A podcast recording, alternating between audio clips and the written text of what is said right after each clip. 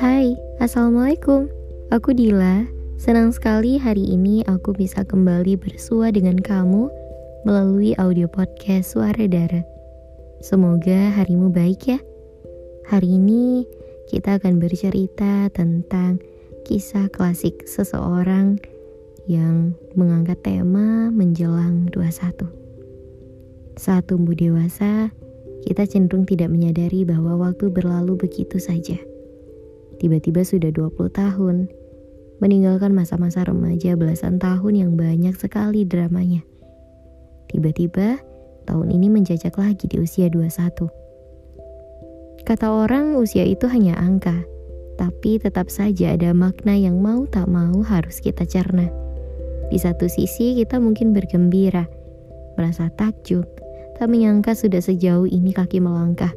Tubuh yang sesekali tak seimbang walau diterpangin kencang, tak sadar terjatuh, tapi berusaha bangkit. Ternyata kita sudah melalui masa-masa itu. Di sisi lain, kita mungkin juga takut pada waktu yang bersamaan. Takut menghadapi segala kemungkinan berat di masa depan yang pasti akan terjadi dan siap tidak siap harus kita lalui. Tarik nafas dulu deh. Ternyata kita masih tidak menyadari kalau sudah berada di usia ini dan hidup kita sudah berjalan sejauh ini. Tapi yang membuat usia ini sangat berharga adalah banyaknya pelajaran hidup yang sudah bisa kamu petik untuk jalanmu ke depan. Di masa yang akan datang, kamu juga akan berhasil melewati segala rintangan dan merasakan kebahagiaan dalam langkahmu mencapai cita. Untuk kamu yang mendengarkan ini sekarang, coba tutup mata. Rasakan pahit peritnya perjalanan yang sudah kamu lalui. Katakan bahwa kamu hebat dalam versimu sendiri. Kamu kuat bagi dirimu sendiri.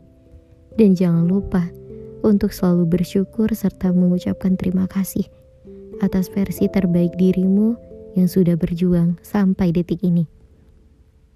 Menjelang 21, ternyata sudah bertemu dengan yang namanya patah hati, pertengkaran dalam keluarga, tentang dunia perkuliahan ataupun dunia kerja, hingga kehilangan sahabat dan orang-orang terkasih. Hidup memang takkan berjalan mulus seterusnya.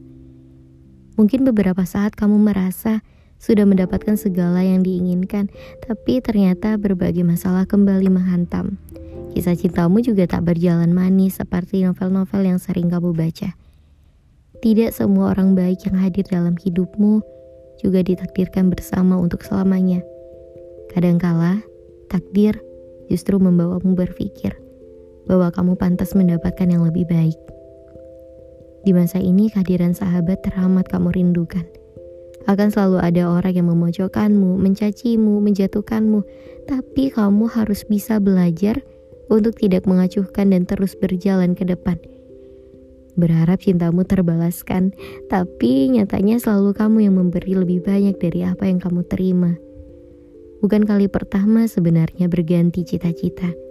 Seiring perjalanan hidup yang kamu lewati, sejatinya hidup memang mencari dan terus mencari kamu mulai menyadari bahwa kenyataan hidup tak seperti quotes di timeline Instagram yang tak lebih dari sekedar pencitraan.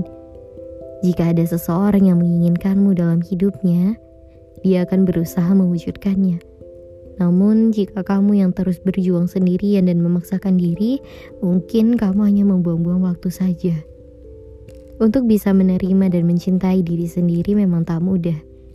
Bahkan sampai tahun-tahun berikutnya, kamu masih akan terus belajar akan hal itu. Tapi yang pasti, jangan pernah meletakkan kebahagiaanmu pada tangan orang lain. Untuk kamu yang selalu mendengarkan suara darah, terima kasih ya. Sampai bertemu lagi di episode berikutnya. Darah pamit.